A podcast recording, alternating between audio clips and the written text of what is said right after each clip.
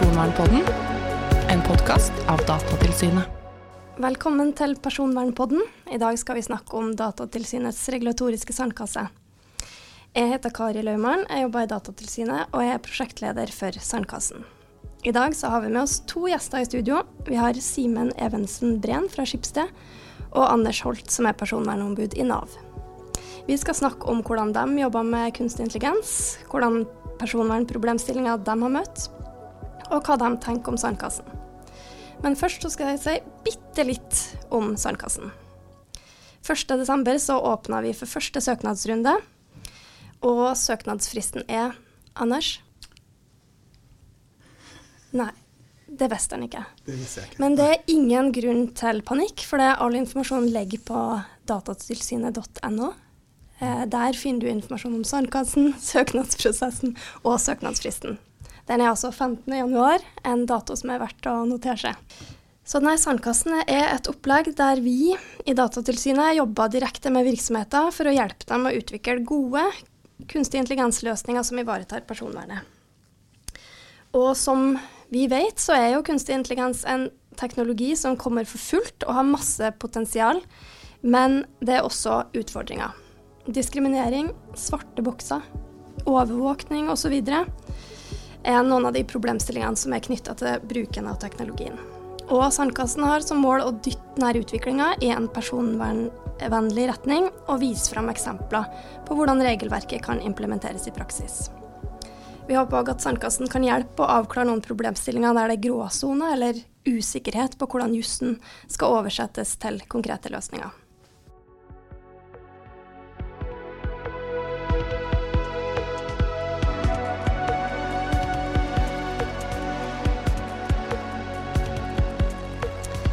Simen, jeg tror vi starta med det og Skipsted. Hvordan jobba dere med kunstig intelligens? Ja, og, og aller først, tusen takk for, eh, for, invitasjonen. Og vi er jo veldig glad for uh, dette initiativet med denne sandkassen.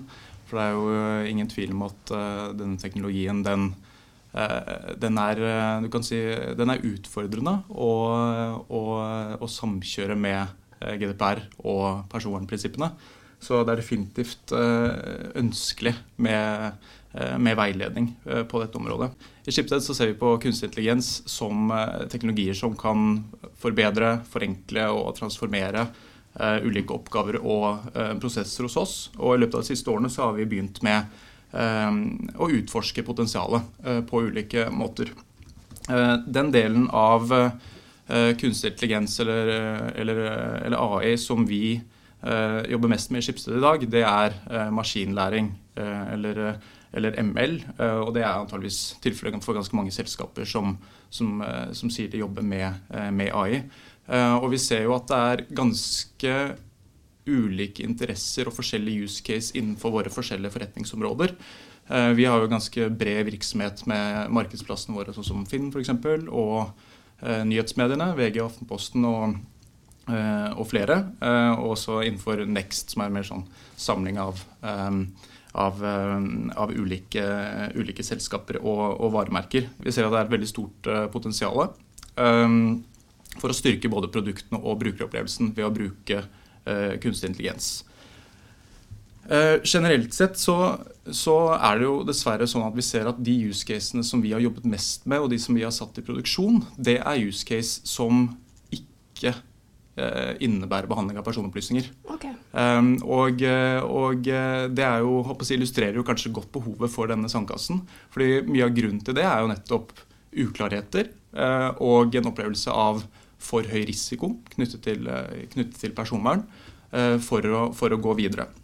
Men Simen, Betyr det at dere har eh, vurdert bruk av kunstig intelligens, men gått bort ifra det pga. at dere tenker at risikoen knytta til bruk av personopplysninger er for stor?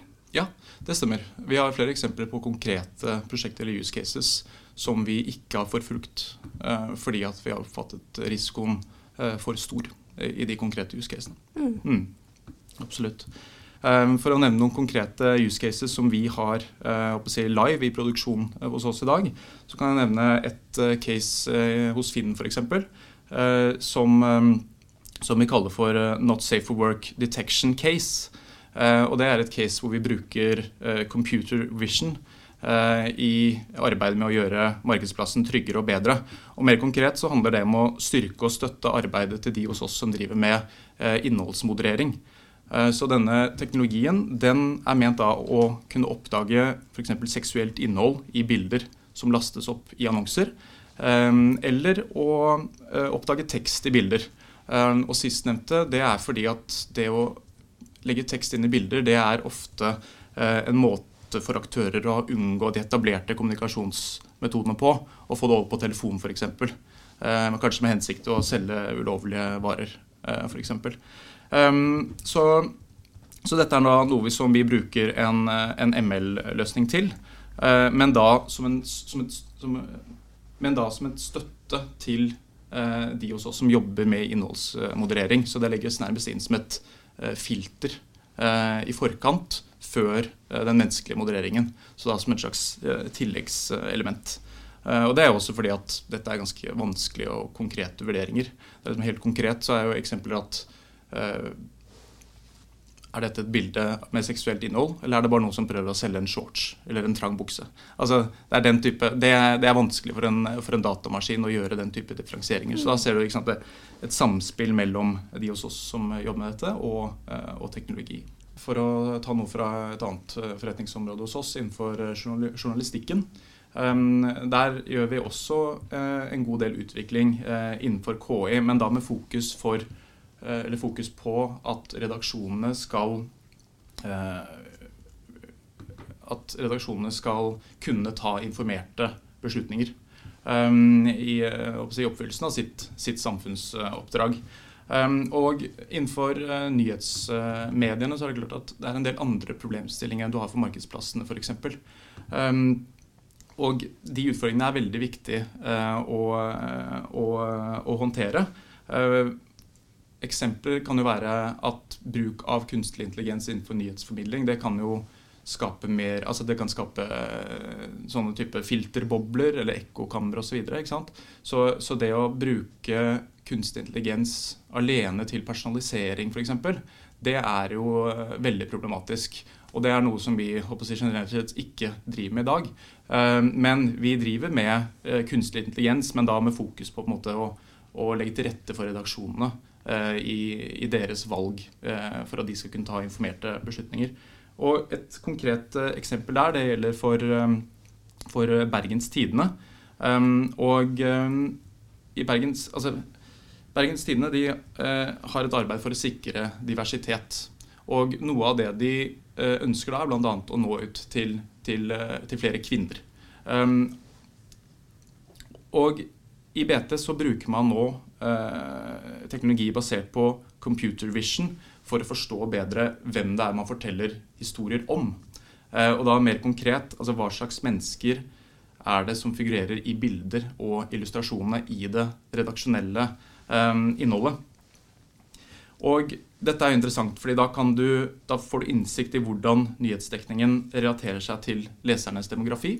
Og så ser man også at det er en, det er en generell innsikt som antageligvis kan diskuteres, men at eh, kvinner har en større tendens til å lese en artikkel hvis det er bilder av kvinner. Mm -hmm. Så du kan også si, ta beslutninger underveis i å eh, sørge for at du oppnår diversitet, at du når et bredere publikum. Kjempespennende. Da eh, spør jeg det, Anders i Nav. Ja. Hvordan jobber dere med kunstig intelligens? Først si takk for at vi fikk komme, vi også. Det er veldig hyggelig. Du, vi jobber nok med kunstig intelligens eh, sånn modellmessig omtrent slik Skipsted gjør det, tenker jeg. Um, men vi, vi, har, vi Det starter hos oss veldig ofte med at vi får en idé, eller som regel faktisk ikke våre data scientists som kommer opp med en idé, men vi har behov som meldes fra et Nav-kontor eller fra mange veiledere. Vi er ganske store, vi har masse kontorer. Uh, ja, og Det eksempelet jeg tenkte jeg skulle komme med, er behovet for å se om vi greier å hjelpe mennesker til å korte ned sykefraværet sitt. Ikke sant? Og det som vi tenker er ganske viktig, da. sett at vi kan bruke de dataene vi sitter på allerede, som, uh, som brukere mennesker gir oss. Nav sitter på mye data, men det er litt viktig å si vi sitter jo ikke på så mye som folk tror. Men vi sitter jo på sykemeldinger og den type ting. Og sykemeldingen forteller hvor lenge er du sykemeldt. Så er det sånn, kan vi eh, bruke data om sykemeldingsmengdene våre til å se om vi greier å gi input til veilederne våre, slik at de kan hjelpe brukerne til å korte ned sykefraværet og komme hurtigere tilbake til jobb. Hos oss er det ganske mye penger. Vi betaler ut 40 milliarder året i sykepenger. Det er 950 000 sykemeldte i året i Norge. Og det er 3,5 millioner sykemeldinger i året. Så hvis vi kan skru litt på de tallene ved å undersøke dataene våre på en god og personvernvennlig måte, slik at vi får en modell gjennom maskinlæring eh, som vi så igjen kan bruke for å sette noe i produksjon, altså et system, eller videreutvikle systemet vårt litt, som våre veiledere kan bruke til å få input i hvordan de kan korte ned sykefraværet hos en person. Det tror vi vi kan. Denne, dette er et helt konkret prosjekt som vi kaller sykefraværslengdeprediksjon. Kan vi predikere hvor lenge en person kan være sykemeldt? For hvis vi kan det, hvis vi finner ut omtrent hvor lenge vedkommende kan være sykemeldt, helt uavhengig av hvor lang den faktiske sykemeldingen de har er, eller hvor mange sykemeldinger de har, så vil vi kunne gå inn med mer målrettet hjelp og tiltak for den personen. Um, vi har brukt maskinlæring. Vi bruker egentlig ganske sånn standard metodikk. Vi går inn med en forretningsmål. Senke sykefraværet hos enkeltmennesker. Eh, det er vårt forretningsmål. Så ser vi på dataene, prepper de, undersøker de. Er det mulig å bruke de dataene vi har til å teste en sånn hypotese? Er det mulig å få ned sykefraværet og gi folk bedre hjelp? Og så kjører vi Ved å preppe dataene og se på det, så lager vi en maskinlæringsmodell. Vi kaller det for maskinlæring sånn generelt. Eh, som vi så tester. Ikke sant? Som vi så lager en liten pilot på. Og hvis alt det fungerer, så kan vi se om vi kan lage et system som kan ta det ut i produksjon, hvor veilederen kan putte inn f.eks.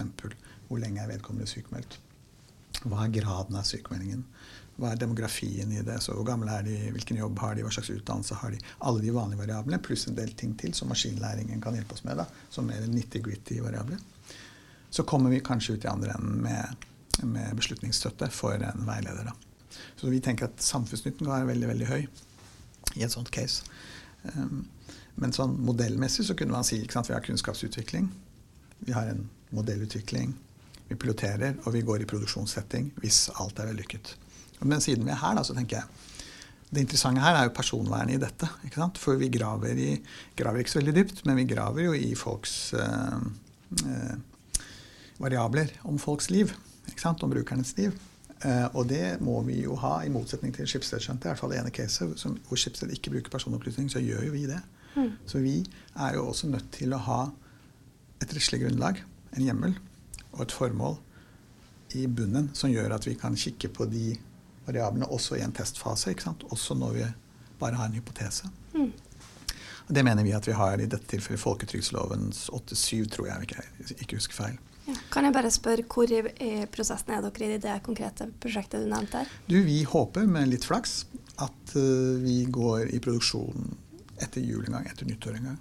I teorien før jul, men det, det tror jeg ikke. Jeg tror vi forhåpentligvis greier det etter jul. Og i produksjon betyr det at da fungerer det da i praksis på, på vanlige folk? Da skrur vi på et, lite, et tillegg til eh, fagsystemene som veilederne våre bruker.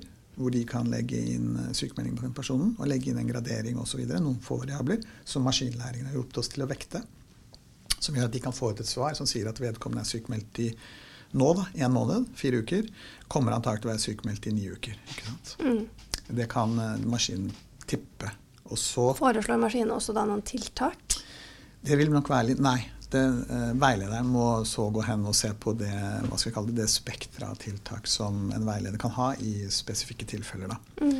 For tiltakene kan være ganske forskjellige avhengig av ja, utdannelsesnivå for eksempel, og alder, kjønn, mange ting som spiller inn. Da. Og det er det i dette tilfellet så vidt jeg har skjønt, hodet til veilederen som bidrar med. Mm. Hva vil du si er det største personvernproblemstillinga dere har møtt i det der konkrete eksempelet? Du, nå, En del av den siste vurderingen nå, så ser vi på to.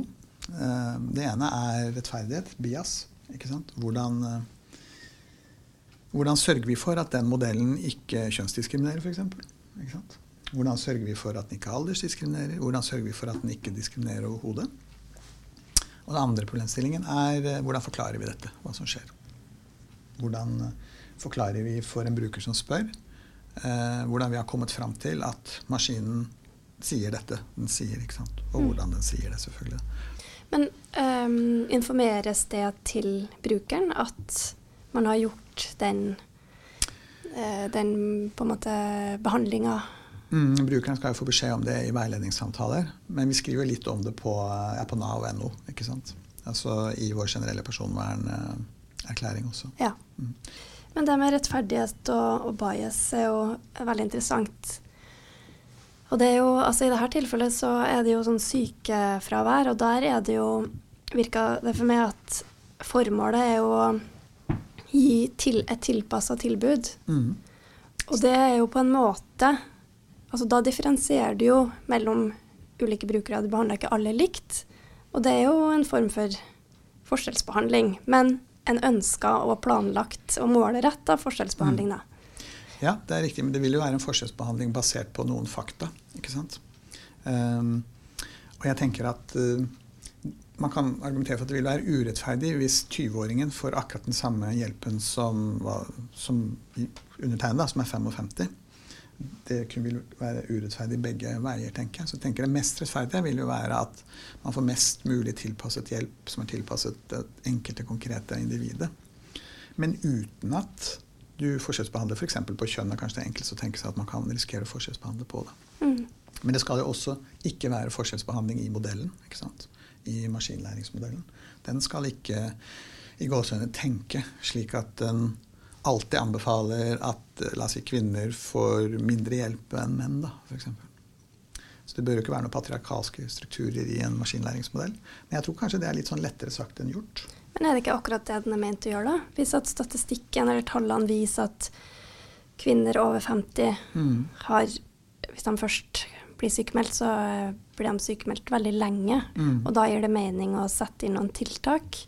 Og da gir du kanskje mer tiltak til kvinner over 50 enn altså, menn under 30, da. Mm. På en måte ja, men det vil jo avhenge av hvordan man vekter alderen. tenker jeg, Hvordan man Kombinert med kjønnet og kombinert med andre variabler. da. Slik at uh, For når jeg sier det blir jo litt enkelt forklart, kanskje, og det er vel grenser for hvor dypt vi skal gå, men når jeg, hvis sett at vektingen var slik at her står det kvinne på kjønnet, Ergo putter vi på 15% mer tiltak uansett, for hun kommer til å være lenger sykemeldt uansett. Men det skal jo tilpasses individet. Mm. Modellen skal jo treffe på individet mm. når den brukes, når den tas ut i praksis. Den skal jo ikke treffe på eh, kjønnet alene. Så det er faktisk ganske vanskelig. Og det er også svært vanskelig å vite om du har eh, rettslig grunnlag for å bruke de ekstra dataene du trenger for å teste for om det er urettferdighet. ikke sant? Høres ut som et uh, perfekt sandkasseprosjekt. Det der. Det har du rett i, men antagelig går vi i produksjon før uh, med sandkassen. Men vi har noe som ligner, som vi kanskje tenkte vi skulle spille inn. da. Så, mm.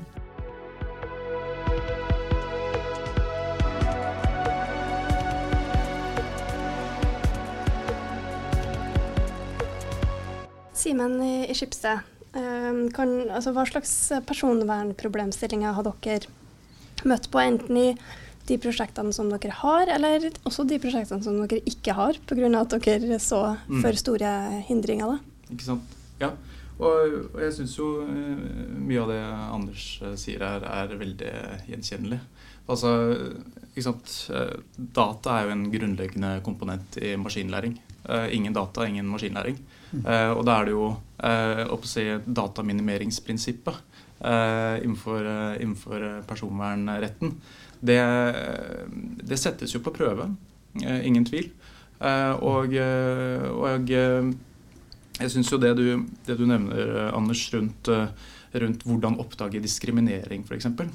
for det, det, er, jeg synes det, er et veldig godt eksempel. Da. Fordi sant, Hvilke data er det som egentlig er nødvendige i, i, denne sammenhengen? La oss si at fra et rent personvernperspektiv så kan du kanskje du kan fjerne kjønn og alder men det hadde vært veldig greit å vite kjønn og alder for å oppdage eventuell eh, diskriminering som gjøres.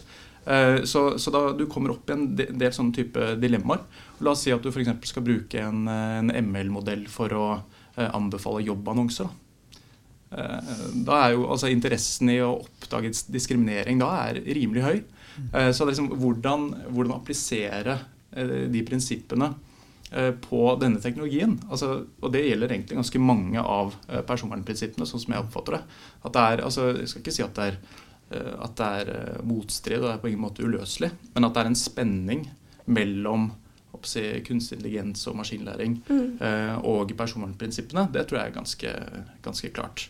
Men har dere tenkt på hvordan kan man En sånn case som du nevner der, hvis du skal anbefale jobbannonser, så er det jo altså Tradisjonelt så ser du jo hva har personen klikka på, slags, altså hvilken alder og kjønn, og hvordan har historisk folk søkt på den type jobb som vi annonserer her, da. mm. Men er det liksom en mulighet å også kanskje vise folk en jobbannonse statistikken viser at de ikke har søkt på, altså motsatt av eh, på en måte målrett, eller at man liksom på en måte nudger folk i en annen retning da, for å på en måte balansere den her Ikke sant? Og det, og det er jo et veldig, veldig interessant poeng, fordi det, det handler jo litt om der, Altså den du kan si bias eller bias i datasett, eller bias til de som er eh, involvert i utvikling, eh, vil kunne påvirke også systemet, ikke sant? Eh, at, at det blir eh, si, hvis, hvis et datasett er diskriminerende, så kan modellen bli, eh, bli diskriminerende. Og det å å si, ta, tak i, ta tak i det, da, for å ikke forsterke diskriminering, eller du kan si eh, eh, skal si, tradisjon, på et vis. Eller erfaring. Eller altså, eh, du kan si etablerte, etablerte mønstre. Det at man på en måte får røsket litt opp i det. Da. At det er, eh, at det er viktig, viktig, i seg selv. Så, så desto viktigere blir det jo da å sørge for at man faktisk kan behandle den dataen som gjør at du kan vurdere om, eh, om teknologien diskriminerer eller ikke. Mm. Eh, og eh, og den, den vurderingen opp mot uh, dataminemeringsprinsippet f.eks., uh, den er ikke straight forward. Så, så det å på en måte diskutere litt Og jeg tenker det er definitivt et, et, et tema som jeg tenker kunne vært gunstig å diskutere i, i Sandkassen. Det er liksom hvordan, hvordan jobbe med dataminimering og dataminimeringsprinsippet eh, i denne, innenfor denne teknologien. Det, det tror jeg veldig mange kunne hatt, eh, hatt nytte av. Definitivt. Mm. Eh, Simen, har du mulighet til å si noe om hvilke type eh, personvernproblemstillinger som har på en måte hindra videre utvikling av et, et produkt eller en løsning Mm. i Skipsted? Mm. Ja, altså det kan jeg absolutt gjøre. Og, eh, og du kan si at hvilke personvernproblemstillinger som, som oppstår, er ganske forskjellig avhengig av hvilken fase du er i. Hvis du er i, i en utviklingsfase, sant, så trenger du, du trenger testdata. Det er på en måte eh, noe av det viktigste på et tidlig stadie. Eh, senere så kan vi jo snakke mer om en implementeringsfase. Ting er satt ut i produksjon. Hva, hva skal til for at, Når det gjelder forklaring, f.eks. For hva skal til for at det er OK å bruke en teknologi eh, på en brukers personopplysninger. Det det, det er to ganske separate eh, situasjoner, eh, slik vi ser det. Eh, men når det gjelder i, i utviklingsfasen, så har du såpass du, du vil ha utfordringer allerede når du skal vurdere eh, behandlingsgrunnlag. Fordi altså, samtykke er i praksis helt urealistisk som, som behandlingsgrunnlag. Eh, og, og i Skipsted og i private selskaper så vil jo lovhjemmel neppe være aktuelt. Eh, jeg har i hvert fall aldri sett noe sånt som, eh, som eh, jeg, vi, vi kunne benytte oss av. Eh, og da er jo på en måte de to praktiske eh, som står igjen, er, kontrakt. Eh, men det er også ganske vanskelig å se for seg at du kan bygge utvikling av AI på eh, behandlingsgrunnlaget eh, kontrakt. Så da er det egentlig i praksis ett som gjenstår, og det er eh, legitim interesse. Og da er vi inne i en, eh, i en, eh, i en eh, balansering av, eh, av interesser som er temmelig utfordrende eh, å gjøre eh, på dette området. Og et ganske sentralt spørsmål er jo hva er brukernes rimelige forventninger når det gjelder dette. Eh, og jeg tror ikke man skal overdrive hva som er en brukers rimelige forventninger når det gjelder bruk av ens opplysninger til utvikling av kunstig intelligens. Det er nok ikke veldig, eh, vennlig, veldig for, forventet av, eh, av gjennomsnittsbrukeren, tror jeg vi må kunne si. Men det er jo Så- kanskje forventa at en bruker tenker at jeg skal få målretta innhold og forslag. Som Ja, ja definitivt. Ikke sant? Eh, og, men da er vi jo kanskje på, på mer i den produksjonsfasen, eller at du faktisk At, at du får, Når du er på Finn, da, så får du anbefalinger basert på hva du har sett på tidligere, f.eks. Eh, og det er definitivt at det er innenfor eh, brukernes forventninger, det, er jeg helt enig i. Men det at dine opplysninger vil brukes til å, til å utvikle en teknologi som ligger til grunn for en personaliseringsmodell, eh, det er jeg ikke fullt så sikker på. Så liksom, du har, du har forskjellige, forskjellige, konstellasjoner der. Og jeg tror også at altså, Når det gjelder dette med, med behandlingsgrunnlag, da, så oppfatter vel jeg at det er um, altså, Kravet til nødvendighet, f.eks. At en behandling skal være nødvendig for å, for å oppfylle legitime interesser, f.eks. Hvordan skal man vurdere det? Fordi mm. Når det gjelder kunstig intelligens, så altså, du vet ikke nødvendigvis om noe fungerer mm. når du begynner å teste. Det er poenget. Altså, Du begynner å teste for å finne ut om noe fungerer. Og hvordan skal du da kunne si at det er nødvendig? Ikke sant? Og, og, du kan si Den tradisjonelle veiledningen knyttet til nødvendighetskriteriet den er ganske streng. Eh, og, og, jeg tenker at det er, det er vanskelig å, eh, å si hvis du, hvis du, har en veldig lav risikotoleranse på dette området, så er det vanskelig å si at det er helt trygt eh, å, å, prøve å bruke personopplysninger til utvikling av KI. Med mindre man ser på hvordan nødvendighetskriteriet appliseres på, på denne tematikken. Ja. Uh, Anders nikka veldig tungt her borte. Han nikker veldig tungt. og så Jeg både misunner deg litt og misunner deg ikke, for det høres ut som en vanskelig jobb ikke sant? å bruke ja, og måtte bruke balansetest for å se om dere har lov til å gjøre det dere skal gjøre. Men sant, selv om du har et rettslig grunnlag da, til å behandle Nav har veldig mange rettslige grunnlag. Men vi har akkurat det samme dilemmaet. Vi vet, vi har, eh, Som eksempel jeg nevnte, da, så har vi folketrygdlovens paragraf X og Y. Ikke sant? Men så ser vi jo vi også, akkurat som Simen sier, da, at uh, hvordan tolker du nødvendighetskravet? Du har en rettslig grunnlag, vi kan hjelpe mennesker med sykemeldinger. Men hvordan tolker vi nødvendighetskravet når vi, sånn som du sier, Simen, før vi vet hvilken informasjon vi trenger i en testfase, før vi går inn og det er egentlig før vi begynner å preppe dataene for å bruke maskinlæringsmodell. Så må vi gå inn, så har vi en hypotese. Hvilke data trenger vi egentlig for å teste den hypotesen? Det vet vi jo ikke alltid på forhånd.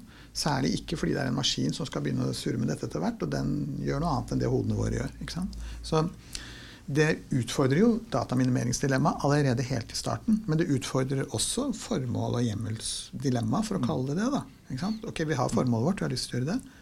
Uh, og vi har et rettslig grunnlag hvor vi får lov til å gjøre det når vi snakker med enkeltmennesket. Men hvilke data har vi lov til å kikke på innenfor det formålet for å få frem en modell til slutt som man så kan bruke til å finne ut noe? ikke Mm. Det er veldig veldig vanskelig. Og jeg tror data scientistene våre de sliter med det og tester det. Vi har metodikk for å teste eh, altså grunnleggende personvernavklaring, kaller vi det. Hvor vi bl.a. må se på de tingene. Da. Altså, hva er proporsjonalt når du skal begynne å kikke på dataene? for å se om du kan bruke dem til å lage en modell eller ikke. Har du lov til det overhodet? ikke sant? Eh, når du bruker berettiget interesse som metodikk, så, så, kan det godt tenkes at det er lov fordi dere finner at det er lite personverntruende. Men det er jo en veldig vanskelig avveining. Og så mm. skal du prøve å forklare kundene dine også hvordan og hva du har gjort.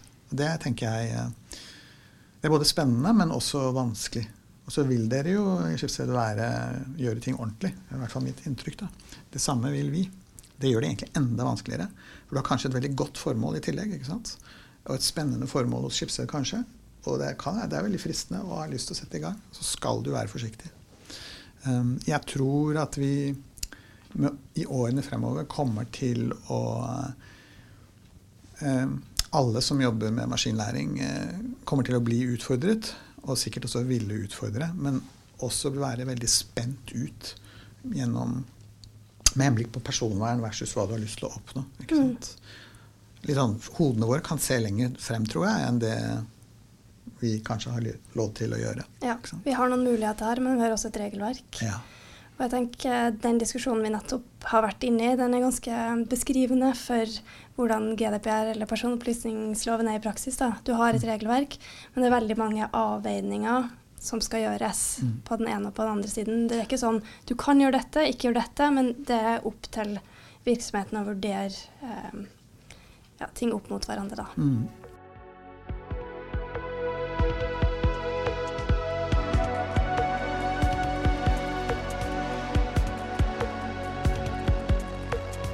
Vi har jo en sandkasse der mange av de tingene som kommer opp her, eh, er veldig gode tema for Sandkassen der vi ønsker å gå inn i en del ja, litt sånn gråsonetema.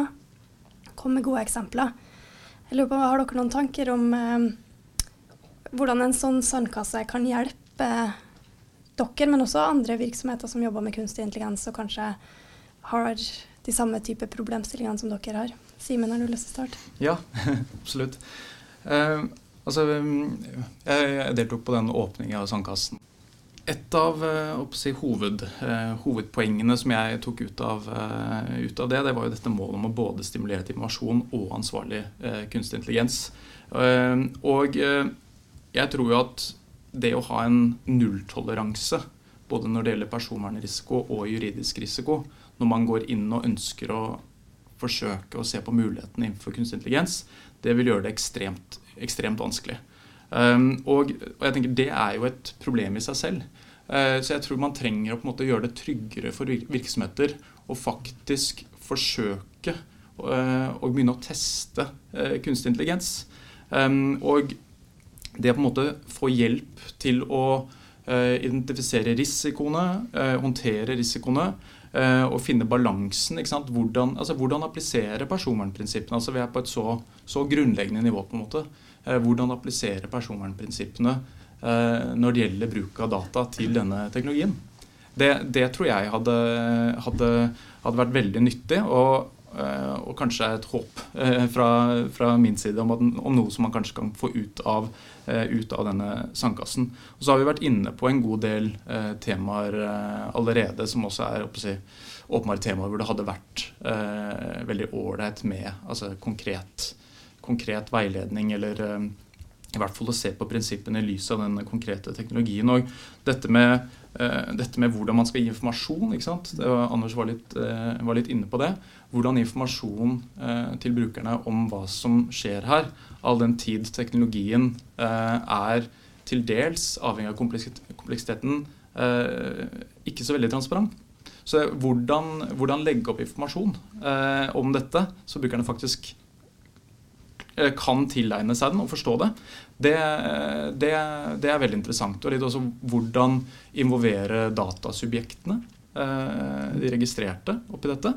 Eh, det har også vært, eh, vært veldig nyttig, tror jeg. I tillegg til det, dette med altså helt konkret altså Hvordan vurderer man f.eks. For forenlige formål i denne sammenhengen?